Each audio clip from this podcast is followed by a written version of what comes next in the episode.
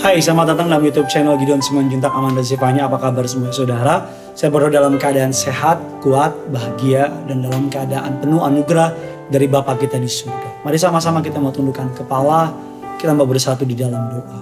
Bapak yang baik, Bapak yang kami sembah di dalam nama Tuhan Yesus. Kami mau siapkan hati kami untuk menyambut kebenaran firman Tuhan. Pakai hambamu untuk boleh menjadi berkat. Lidah, bibir perkataannya diurapi dari surga.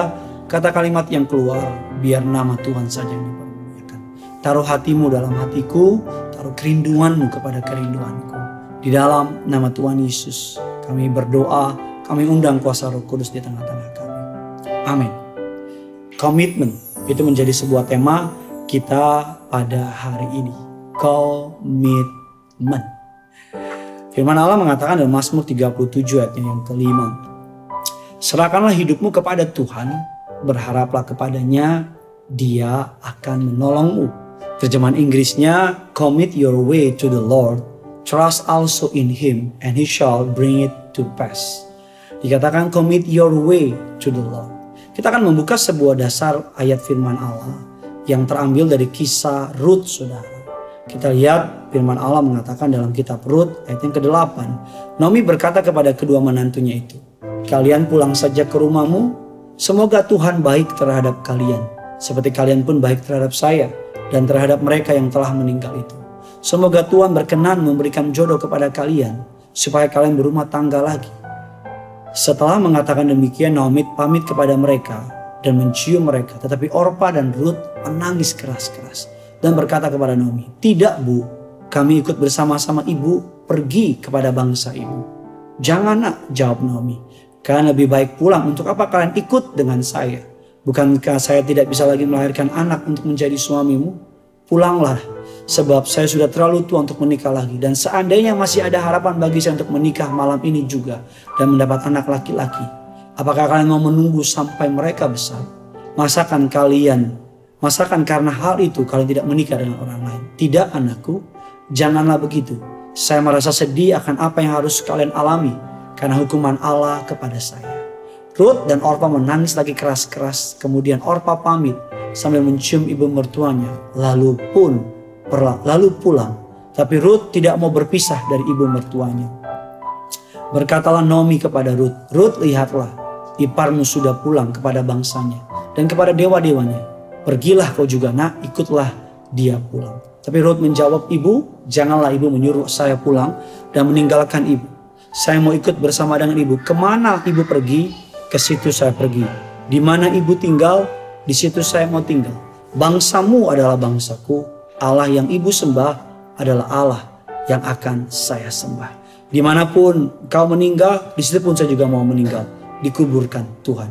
Kiranya Tuhan menghukum saya sebab jika saya berpisah dari engkau. Kecuali kematian memisahkan kita. Naomi melihat bahwa Ruth berkeras untuk tidak, untuk ikut dengan dia dan ia tidak mengatakan apa-apa lagi. Dari kisah yang kita baca, Ruth memberikan contoh sebuah komitmen yang luar biasa. Komitmen yang pertama, komitmen berbeda dengan kontribusi. Komitmen not contribution. Apa maksudnya? Kalau sekedar berkontribusi, ya semampunya aja deh. Ya sebisanya aja. Ya namanya kan kontribusi kan, sebisanya aja semau kita. Tapi komitmen dengan kontribusi adalah dua hal yang berbeda. Artinya Tuhan mau kita berkomitmen mengikuti dia. Bukan sekedar berkontribusi. Tapi memberikan seluruh segenap hati, segenap jiwa, segenap perasaan untuk kita berikan kepada Tuhan. Itu dimaksud dengan yang namanya komitmen. Yang kedua, komitmen need sacrifice. Komitmen membutuhkan pengorbanan. Ruth, dia bisa saja kembali ke bangsanya tinggal dengan nyaman, menikah dengan orang lain, dan tidak mau repot dengan ibu mertuanya. Tapi Ruth sadar ketika dia berkomitmen kepada keluarga dari Naomi, maka Ruth mengorbankan perasaannya.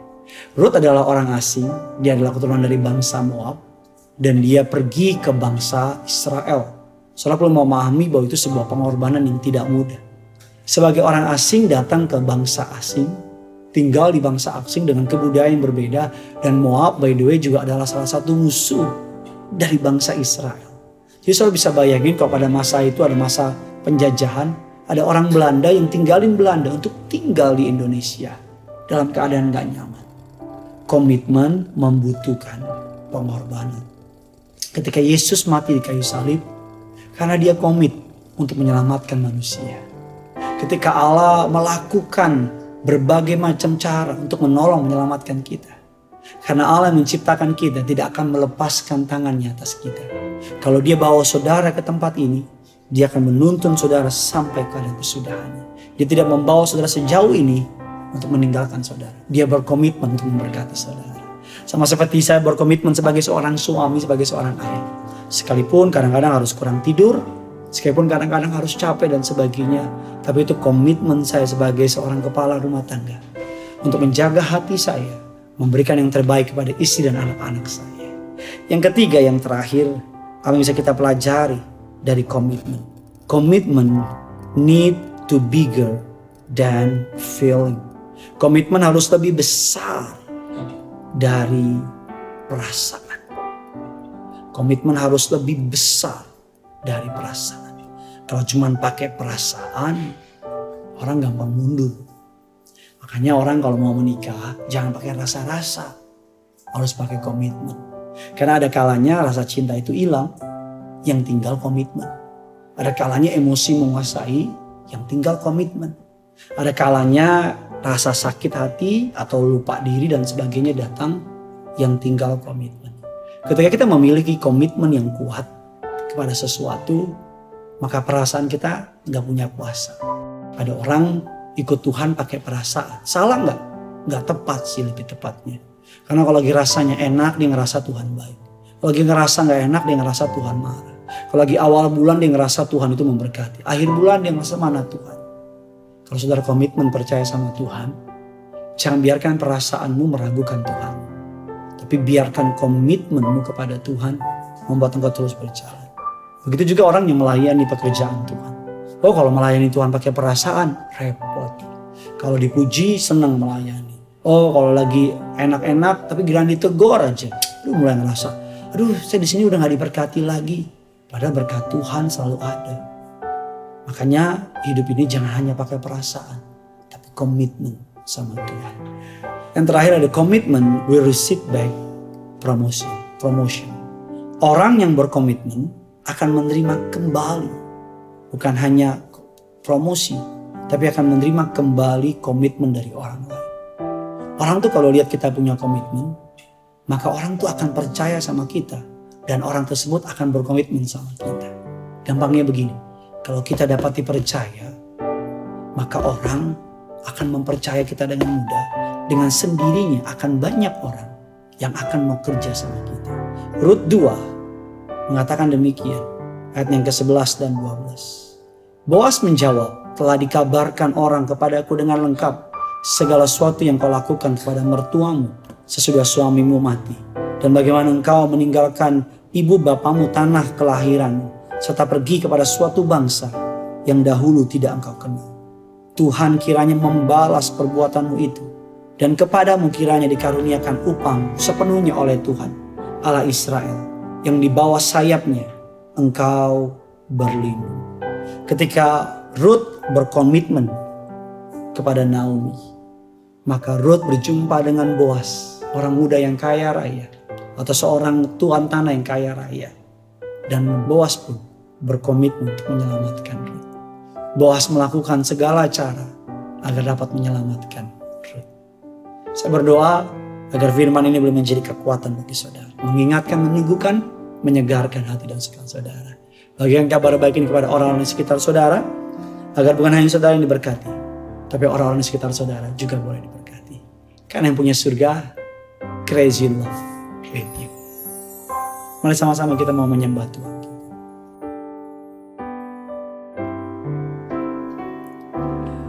Aku mengasihi Engkau Yesus dengan segenap hatiku. Aku mengasihi Engkau Tuhan dengan segenap jiwaku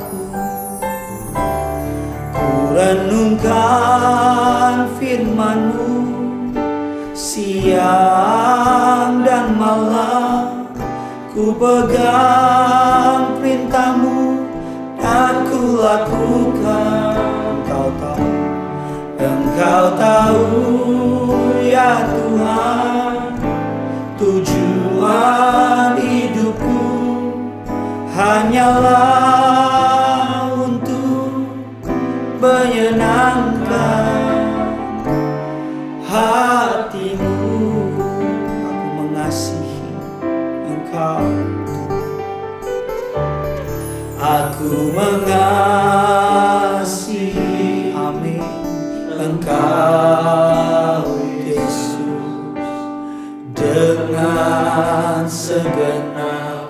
hatiku. Aku mengasihi